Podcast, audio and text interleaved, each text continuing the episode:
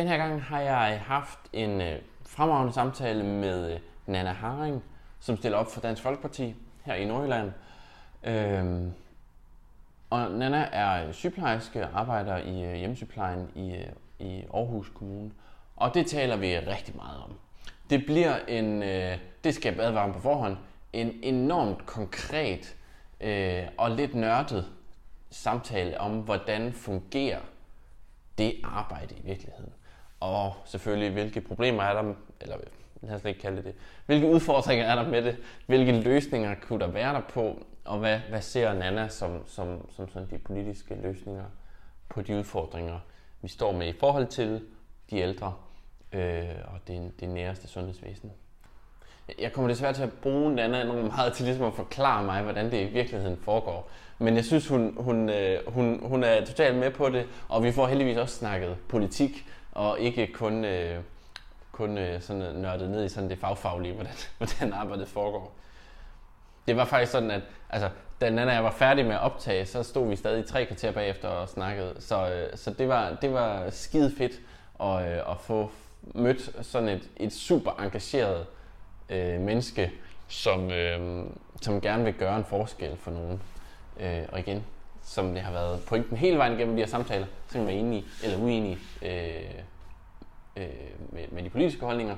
I hvert fald så er det, så er det et rigtige menneske, som, øh, som, som brænder for det, hun går op i. Jeg starter som sædvanligt med at øh, læse op af mit øh, Facebook-opslag for Nana, øh, og så får vi lige kort en snak om Dansk Folkeparti og den tilstand, hendes øh, parti er i. Øh, det viser sig, at Nana har været, øh, trods sine unge år, har været, været medlem i rigtig mange år. Så, øh, så det er faktisk øh, lidt interessant også at høre, hvad, den, hvad hun mener om det. Øh, ja. Så god fornøjelse. Godt. Dansk Folkeparti. Puha.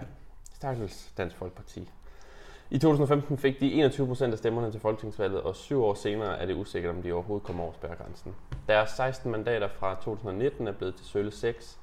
Otte af dem er flygtet til Danmarksdemokraterne, så det parti nu er større end DF, mens to er blevet løsgængere. Tilbage står stifter og moderfigur Pia Kærsgaard med sin mangeårige yndling Morten Messerschmidt og prøver at redde den synkende skud, og lige nu er succeskriteriet bare at få den i havn uden flere druknede.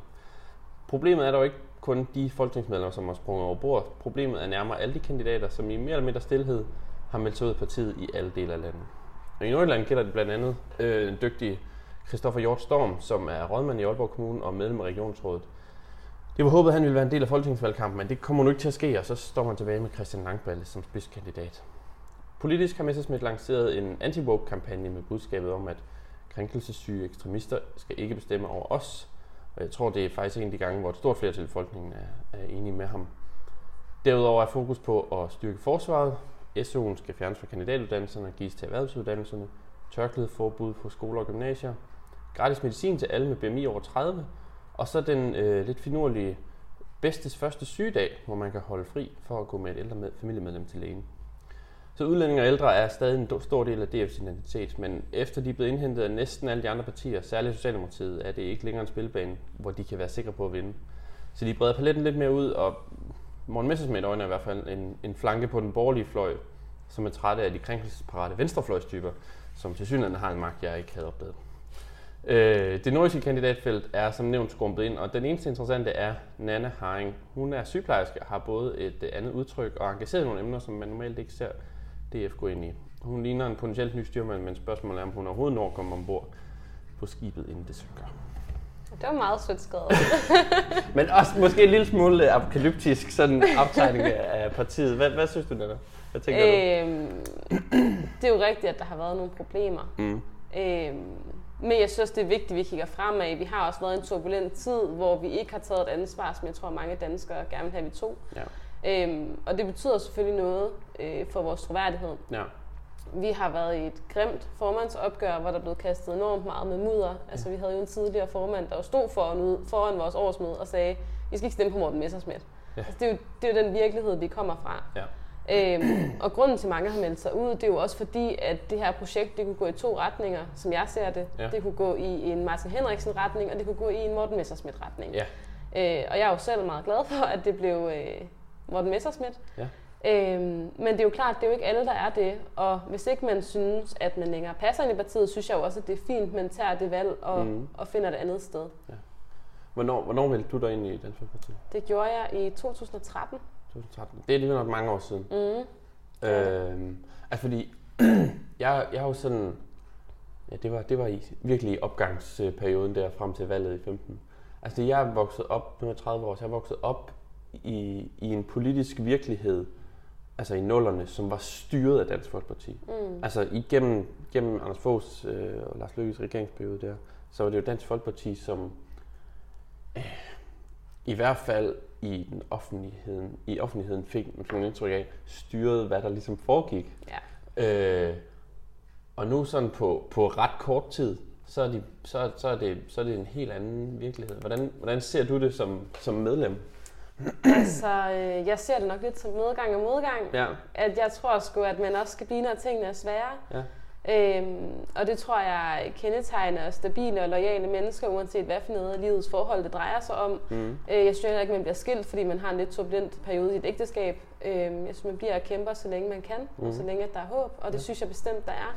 Jeg synes, Dansk Folkeparti fremlægger meget mere nyt politik, end vi tidligere har set. Ja. Vi tager nogle dagsordner op, som er aktuelle og relevante, øhm, og hvor vi også skal blive en stemme, som der måske ikke har været før, blandt andet i den her identitetsdebat. Ja.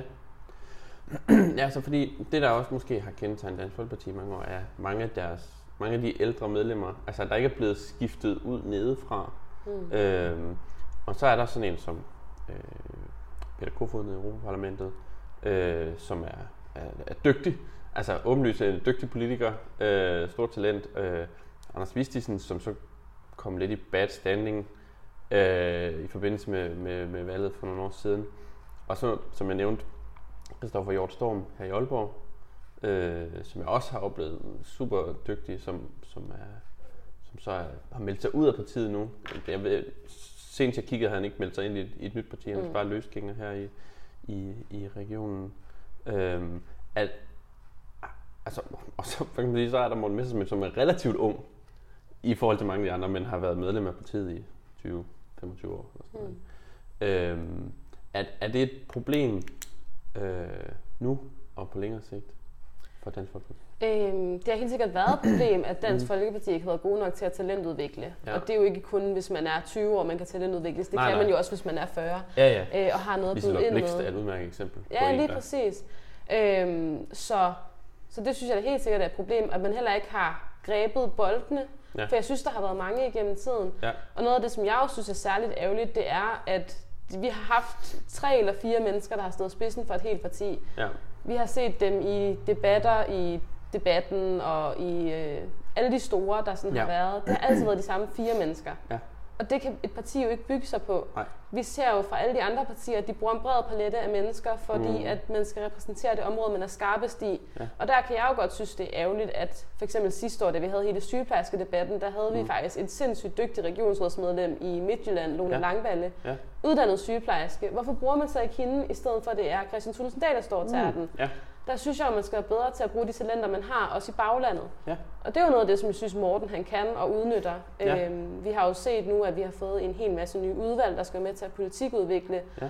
Øhm, hvor jeg jo for eksempel er i spidsen for sundhed og ældre, fordi jeg også er sygeplejerske, og det giver mm. mening, at man ligesom har nogle mennesker, der har fingeren på pulsen, ja. der sidder i spidsen for de her ting. Mm. Og det synes jeg, at man har manglet øh, med en anden ledelse, med en tidligere ledelse. Ja, ja. Øhm, og nu er det heller ikke, fordi jeg skulle have dig til at være, være politisk kommentator hele samtalen. jeg vil faktisk hellere snakke om det der, du, du nævner med, med sundhed ældre. Det er, mm. du, du er øhm, sygeplejerske og arbejder i, i, i hjemplejen som øh, hjemmesygeplejerske. Ja. Øhm, og, og jeg, så, du har selv øh, skrevet og sagt mig om, at det er de ældre, der ligesom optager dig. Øh, hvordan kan det være egentlig? Jeg synes, det handler om værdighed. Ja. Jeg synes, det handler om, at hvis man har bidraget til samfundet i mange år, skal man også komme fra på en god måde. Mm. Og der synes jeg, vi har set alt for mange eksempler på, at det ikke er tilfældet. Vi har set Stakkels Else fra Aarhus, der ja. hænger i en lift og skal altså, lave afføring ja. ned i en blæ, som jo er ganske frygtelige billeder. Ja. Og jeg synes, at vi er bedre end det, og jeg synes, vi skal tilbyde vores ældre mere end det. Mm. Ja.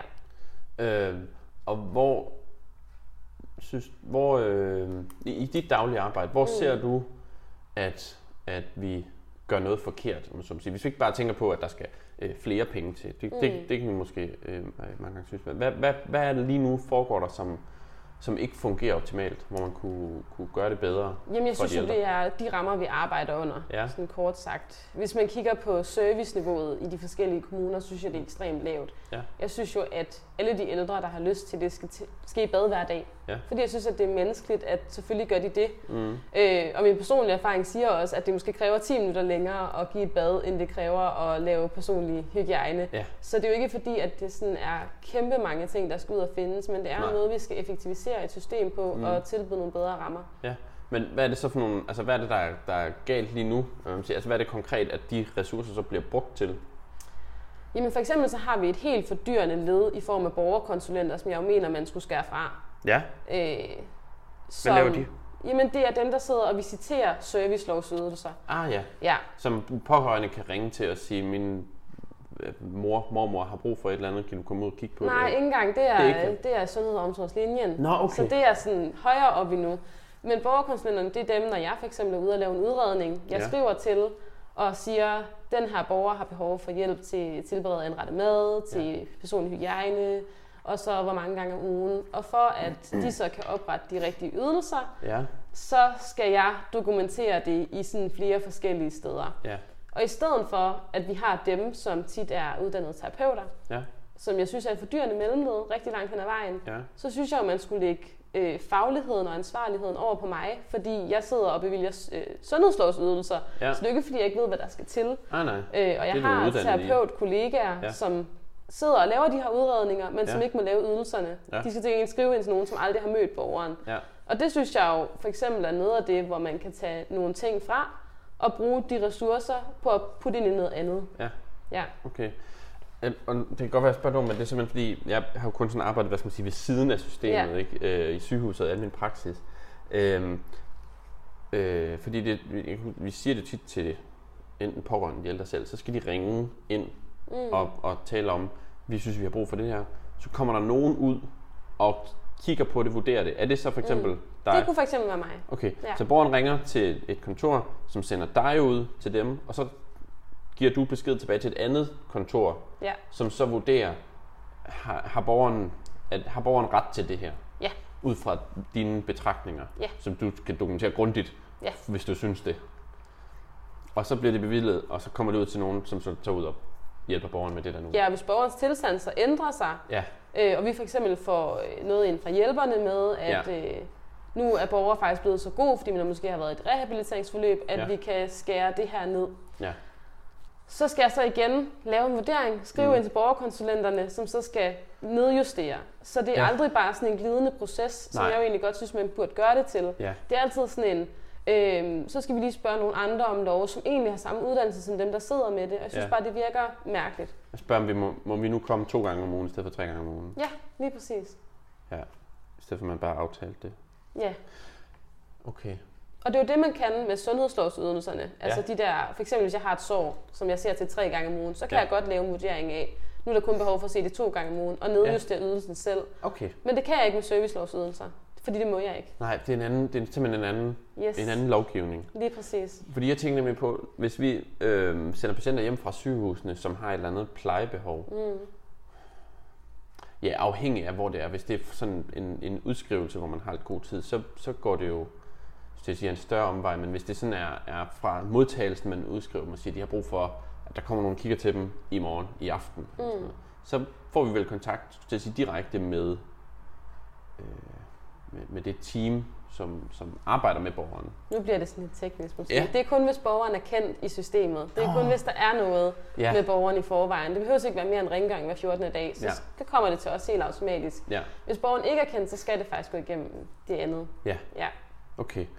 Og, og det er jo ikke fordi, du skulle sidde og fremlægge hele det kommunale servicesystem, men jeg synes bare, det giver et indblik i, Ja, hvor, hvor, hvor kompliceret det er. Og det tænker jeg også, at det er for de ældre. mm. Nogle, nogle er bare, hvad skal man sige, have mange år på banen, og, Ja. og, og, og kognitivt kører ikke lige så stærkt, som de gjorde engang, og andre er jo regulært demente, eller har ægtefælder, der er demente, hvor de sådan, altså, Ja, og nogle er jo ganske unge og har måske Ja. en kronisk sygdom. Ja. Altså, vi har jo også psykiatriske patienter, og vi har også Mm, øh, unge mennesker i 50'erne, Ja. der har været igennem et cancerforløb. Altså, Ja. vi har mange ting, ja. så hjemmeplejen er jo ikke bare, nu kigger jeg til gamle fru Hansen på 90, det Mm. er jo meget mere end det, og det Ja. tror jeg også nogle gange folk de glemmer. ja, Øhm, men det betyder faktisk ret meget for de rammer, vi arbejder under, at folk Mm. husker på, at det kan være alle slags mennesker. Især Ja. nu, hvor mange regioner begynder at udlicitere enormt mange ydelser og Ja. enormt mange øh, behandlingsformål faktisk også. Mm. Så jeg kan jo sagtens have en antibiotikabehandling, øh, hvis det skal gives IV, hos en, der normalt aldrig vil være i hjemmeplejen. ja. Øhm, så, så at flytte, altså mere, øhm, og det, det, det har jeg hørt mange politikere sige, men mere frihed til de faglige, til Mm. fagarbejde. Men forskellen, når en politiker siger det, og når en sygeplejerske siger det, det er, Ja. at jeg kan pege konkret på, hvad Ja. er det så for et fordyrende mellem- mellemled, vi kan skære fra? Ja. Hvor er det, vi kan frigøre ressourcer direkte Ja. til borgeren? Mm. Og det synes jeg faktisk, at tit mangler at få svar på, når man Ja. sådan snakker med de der rigtige politikere. Ja. Ja. Fordi jeg synes, altså der sker også bare rigtig tit det, når eksempelvis historien med, med Else der på Mm. plejehjemmet og sådan noget, at så, du ved, der kommer noget i medierne, der kommer en sag op, og så er der nogle politikere, der kigger på det og siger, det skal vi have kontrolleret. Ja. Og så indfører man sådan et, et lag af noget mere kontrol og sådan noget. Og har du, oplever du det konkret? Måske ikke en bestemt sag, der er indført, men, men, men noget, noget, noget kontrolarbejde eller noget dokumentationsarbejde, du laver, som du synes er tåbeligt?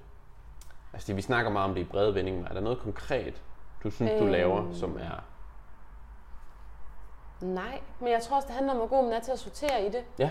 Og jeg tror faktisk, at, og det kan man måske til at lyde lidt fordømmende, men jeg tror også, der er noget i, at i takt med, at plejepersonalet også bliver skiftet ud, Ja. og vi får uddannet nogle nye, som måske er sådan lidt mere øh, tekniske, habile, Ja. øh, så tror jeg faktisk også, at vi kommer til at kunne se, at vi cutter noget af dokumentationstiden af, for det går bare meget hurtigere for mig at Ja. ja. udfylde en journal, end det gør for øh, Åse på 60. Ja, det er klart. Øh, fordi jeg er vokset op med det, og jeg ved ligesom, Ja. hvad skal jeg gøre. Og Ja. jeg synes også, nogle af de ting, som jeg måske øh, synes er overflødige, kan jeg godt tage en selvstændig beslutning om, at så gør jeg ikke det. Ja.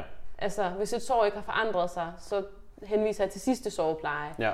Hvis, øh, hvis der ikke er noget, så, altså, så lad være med at dokumentere det. Vi skal Ja. jo også tænke det her med, vi dokumenterer jo kun, når det er nødvendigt. Ja. Hvis ikke der er nogen forandringer ved en borger, det, Mm. eller, eller en patient for den sags skyld, hvis alting har været efter bogen, så er der ikke nogen grund til at skrive noget. Nej. Og det tror jeg også, vi sådan skal blive bedre til at få kommunikeret ud. Ja. For jeg tænker nemlig tit, jeg har gjort det, altså både da jeg sad i min praksis og på sygehuset, at, at, at jeg har svært ved, jeg, har faktisk, jeg kan faktisk have svært ved at pege på den der dokumentation, jeg synes, der er overflødig. Mm. Altså jeg synes faktisk, at jeg laver, og det må min kollega jo så rette mig på, men, men jeg synes, at, at, at der er en grund til, at jeg skriver det, jeg skriver.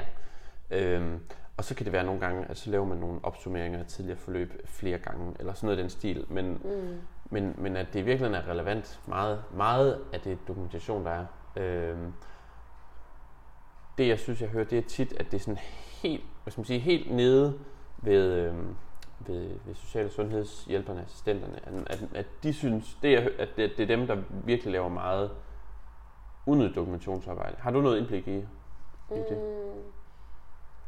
Altså, det, det synes jeg ikke. Nej. Det, øh, jeg, jeg synes også, det er svært at pege på noget konkret øh, i forhold til, hvor skal vi så fjerne dokumentation. Det, det kan Ja. måske være det her med, at jeg skal overdokumentere nogle ting for ja. at få lov til at få ydelser af borgerkonsulenterne. Der Ja. er noget i det. Ja, man synes, ser virkelig hårdt. jeg synes ikke i hverdagen, Nej. at det sådan er. Det er meget ved nye Okay. borgerforløb, eller ved udredninger ja. efter indlæggelse, eller sådan nogle så får ting, at jeg virkelig synes, jeg kommer på arbejde. Og der er selvfølgelig forskelle kommuner imellem og sådan Ja. noget. Øhm. En konkret ting, jeg så, du havde, havde skrevet på din Facebook, det var noget omkring medicin, dispensering Mm? versus dosispakket medicin. Ja. Kan du bare lige forklare, hvad forskellen er? Okay, så medicindispensering, det er, hvor man putter det sådan helt gammeldags i de her små æsker. Ja, Øh, og det kan måske være 20 præparater, ja. som jeg skal sidde og tælle piller, Ja. og jeg skal tælle hver æske Stå ude ved efter. borgeren og gør det. Lige præcis, Ja. prikker ud. Ja, Ja, klik, klik. Ja, okay. lige præcis. Og det andet, der kommer det fra apoteket Ja, i der, øh, dagsposer. ja, lige præcis. I sådan nogle helt, det er næsten ærgerligt, at jeg ikke har min prøvepakke med, Ja, som ja. jeg ellers har fået meget hug for, fordi jeg jo fremlægger, hvad det er for en borger, men det er altså bare Gertrud Sand, der får to M&M's Ja. hver morgen og aften. Ja. Øhm, men øh, ja, dosisdispenseret, der får man det i sådan helt konkret små poser, mm. øh, morgen, middag, aften, hvis det er for medicin. Ja. Øhm, og så kan du tage en pose, hver gang du skal have medicin, Ja. i stedet for at jeg skal ud og putte det hele i æsker og tælle det hele op. Ja. Og man kan sige, at der er jo fordele og ulemper ved begge ting. Mm. Som jeg ser det, så er en af fordelene ved dosispakket medicin jo, at du slipper for den her unødvendige indblanding i dit liv. Ja. Og jeg tror også, man skal huske på, der er også mange, der siger sådan, ej, men så kommer sygeplejersken jo ikke ud.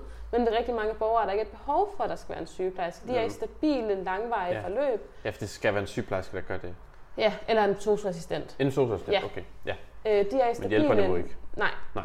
langvarige forløb, hvor de måske ikke har behov for en sygeplejerske. Og så Mm. kan man sige, det frigiver jo noget tid til mig, i Ja. stedet for at jeg skal sidde og tælle unødvendige piller, som i virkeligheden kan tælles på en maskine meget hurtigere. Ja.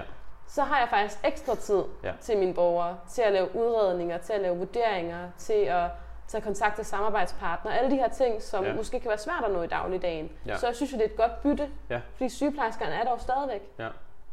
Øhm, er, det også, er det også bedre, altså hvis, du ikke, hvis man ikke bare tænker på de, hvad man sige, de borgere, du kan hjælpe, men for de borgere, som så vil få dosispakke i stedet for Mm. medicin, vil, vil, vil det være bedre for dem? Øh, for nogen, Ja. og dem, det ikke vil være bedre for, kommer jo ikke over på det. Nej. Øh, men eksempelvis, hvis man måske er 50 år gammel Ja. og har været igennem et langt sygdomsforløb, er stabil i sin medicin, men mm. får noget, som, som man skal blive ved med at have, og man Ja. ikke kan overskue det her med at putte det i æsker. Ja. Og det er jo også noget, som mange mennesker kan være sådan lidt berøringsangst over for, fordi Ja. det her med at få medicin, det er meget fremmed for ja. folk, der har været raske hele deres liv. Mm. Øhm, så kan det blive en mere overskuelig måde at gøre det på. Ja. Øhm, og jeg har også mange borgere, som synes, at det er en begrænsning, at vi skal komme i deres hjem, hvis der nu ikke kommer nogen til andet. Ja. Hvis nu det eneste, vi kommer og gør i hjemmet, og er at dispensere medicin, og de ellers færdes frit omkring og tager Ja. ud og handler og sådan noget, så skal Mm. de tilpasse en hel dag Ja, efter I efter, kommer. at vi kommer. Hvor er det, det så skal komme fra? Fordi altså, øh, patientens praktiserende læge kan jo, hvad skal man sige, i, i det fælles medicinkort bede, om, at det bliver dosispakket og Ja. sådan noget. Det er vel bare, altså i princippet bare der, Ja. man skal sætte det ind. Mm. Øh, skal, man, skal man gøre noget politisk for, at det sker, tror du? Eller Jeg er det tror, mere man- noget, at lægerne skal kultur Mm. fra praktiserende lægers organisation, eller? Ja, det der er i det, det er, at det tager lidt længere tid for lægerne. Ja. Og der tror jeg, at man for det første skal finde smartere system at gøre det på. Mm. Øh, nogle gange, når jeg taler med lægesekretær, så siger de sådan, øh, hvis jeg fx har en recept, der haster lidt, så siger jeg, nu gør jeg lige det hele klar og sender det ind til lægen. Ja. Det kunne de måske godt. Fordi, altså, man kunne måske godt klæde Ja. bedre på til at gøre det her. Ja. Ja, fordi Øhm, det kræver både, at, at lægen foretager noget, og sekretæren også laver, Ja. for at det kommer ud til apotekerne Ja. og sådan noget. Og, øh, men man kun gør det én gang, det er jo værd at Mhm. huske. Ja. Det er jo en engangsting, det er jo en omlægning. Ja. Øhm, og Aalborg Kommune har faktisk været forgænger, øh, forgangsmand på det, Ja. hvor de har honoreret de læger, der gjorde det. Ja. Og det har man faktisk set en positiv effekt af. Ja.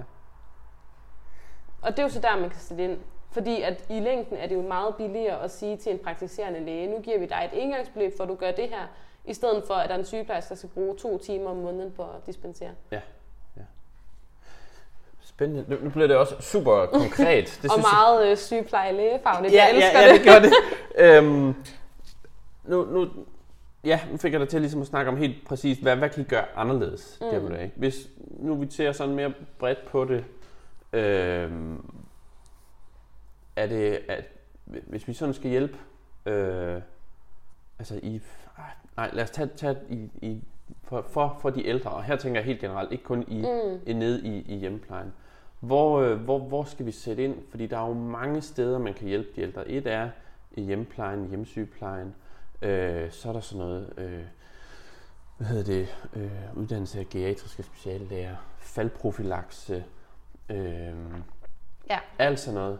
Hvor, hvis man skulle kanalisere nogle penge et sted hen, finde nogle penge, ja. proppe hen, hvor, hvor tænker du, hvor vil du gerne, at de kunne gøre bedst gavn? Altså helt konkret synes jeg at vi i alle kommuner skal indføre det, der hedder ensomhedsambassadører, som kan stå i spidsen for, øh, for at skabe et netværk af frivillige, der kan hjælpe folk ud af ensomheden. Mm. Og man ser jo, at ensomheden er stigende Ja. for alle aldersgrupper, så det er jo Mm. ikke kun de ældre. Mm. Men man ser også, at det faktisk kan tage helt op til 20 leveår fra mennesker, hvis de er meget ensomme og ramt af Ja. depression. Ja.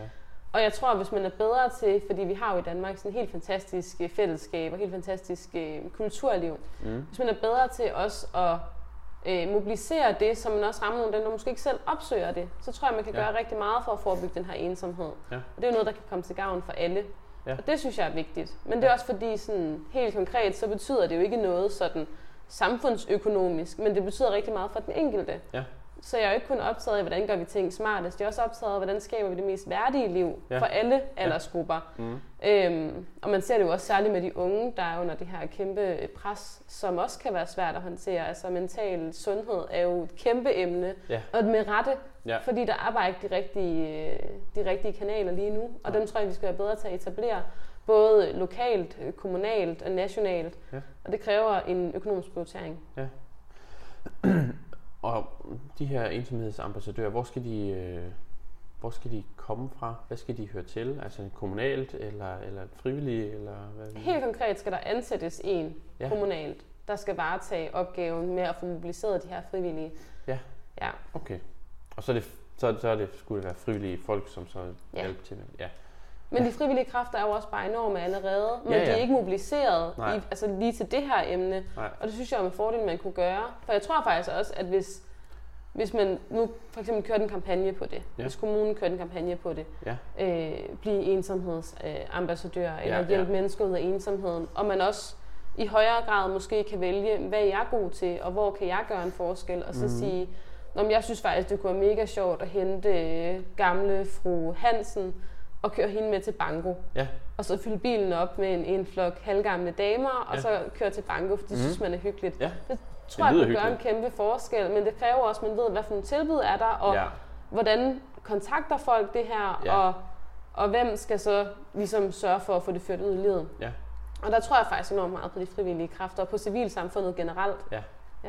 Øh, jeg havde en snak med øh, Anne-Marie Jørgensen fra Kristendemokrater, Mm. Kristendemokraterne, og vi snakkede blandt andet om, øh, og, og, selvfølgelig fordi også hun er, er, har et kristent udgangspunkt, øh, at øh, hvordan kirkerne eller andre dele af civilsamfundet ikke, altså Mm. kunne, kan spille en, en rolle, fordi jeg tænker, at i at tidligere så havde for eksempel kirkerne jo en rolle i at tage sig af nogen af dem, som, som, som var sårbare i en eller anden udstrækning. Ikke? Men fordi vi jo nu er et, et samfund, der ikke er så, så religiøse længere, så er det ligesom øh, forsvundet lidt. Er der nogle... nu siger du selv, at, at der er frivillige kræfter derude, som ikke er mobiliseret. Er, tænker du, der er nogle øh, institutioner eller, eller, eller foreninger eller et eller andet, man, som allerede nu eksisterer, man faktisk, som, som godt kunne varetage i hvert fald noget af den? Jamen altså, jeg synes, kirkerne er et enormt godt bud. Ja. Øh, sådan noget som øh, spejderorganisationer, synes ja. jeg også er et enormt godt bud.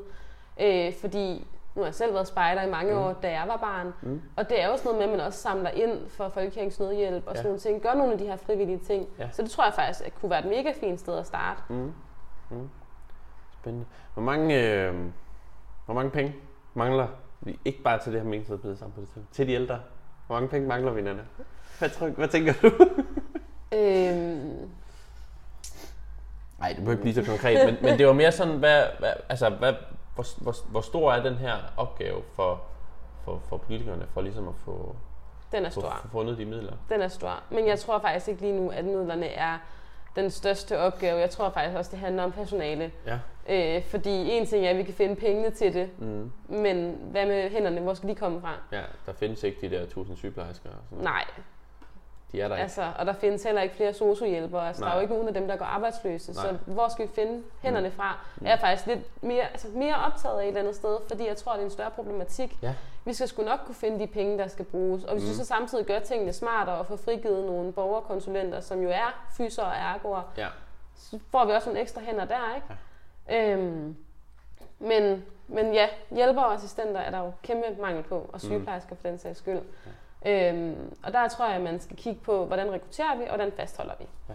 Og derfor er jeg jo sindssygt glad for, at Dansk Folkeparti for eksempel har foreslået, at vi giver 2,3 milliarder til erhvervsuddannelserne. Ja.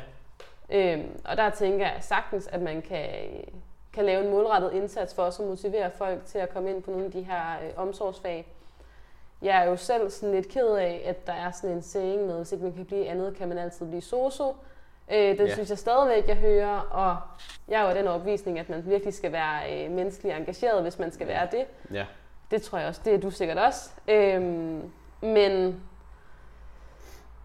det kræver jo også, at man bliver bedre til at anerkende hinandens kompetencer. Ja. Og det er jo helt fra grundskolen af, at ja. man også bliver bedre til at sige til øh, lille Lise, at hey, ved du hvad, det kan godt være, at du ikke får de bedste karakterer, men jeg kan virkelig se, at du er så god i frikvartererne til at ja. tage dig af dine veninder. Mm. Skulle du ikke være socioassistent? Ja. Kunne det ikke være en vej for dig at gå? I ja. stedet for, at man siger til hende, ej, du får nok ikke så gode karakterer, du må hellere tage en 10. klasse, inden du kan komme på gymnasiet. Fordi ja. det er jo det, der er virkeligheden derude lige nu. Ja. Man klæder jo ikke unge mennesker på til at vælge andet end den boglige vej. Nej. Og det tror jeg bare ikke, at alle har kompetencer til. Og jeg tror ikke, det er det, der gør alle lykkelige. Mm. Øhm, og der tror jeg i højere grad, man skal kigge på sådan, jamen, hvad, hvordan, hvordan siger vi så det her til hinanden på en måde, som man anerkender, i stedet for ja. at sige, at du er nok for dum til gymnasiet, så vil du hellere en erhvervsuddannelse. Ja. Øhm, og det samme jo med, med altså tømrer og de der håndværksmæssige fag. Mm. Altså det skal jo ikke kun være dem, der måske har lidt svært ved det boglige. Det skal jo også være dem, som bare synes, det er sjovere, eller måske har lidt mere krudt i røven og ikke gider ja. at sidde stille. Øhm, fordi jeg nægter simpelthen at tro på, at 90% af Danmarks ungdom, de skal øh, være akademikere. Ja. Lyder som en dårlig idé. Det lyder som ja. en dårlig forretning. Og jeg køber bare heller ikke præmissen om, at det er det, der passer bedst til dem. Jeg tror, vi er blevet alt for dårlige til at behandle hinanden forskelligt. Mm. Og vi putter alle sammen hinanden ned i kasser. Og det er jo det samme, vi gør med de ældre. Ved at sige, mm. du kan få et bad om ugen og rengøring hver tredje uge. Ja. Det er jo kasser. Og jeg tror, jeg vil grundlæggende gerne væk fra den her kassetænkning. Fedt, Nanne. Det synes jeg var et fedt sted at, at slutte på. Tusind tak, fordi du har lyst til at være med. Selv tak.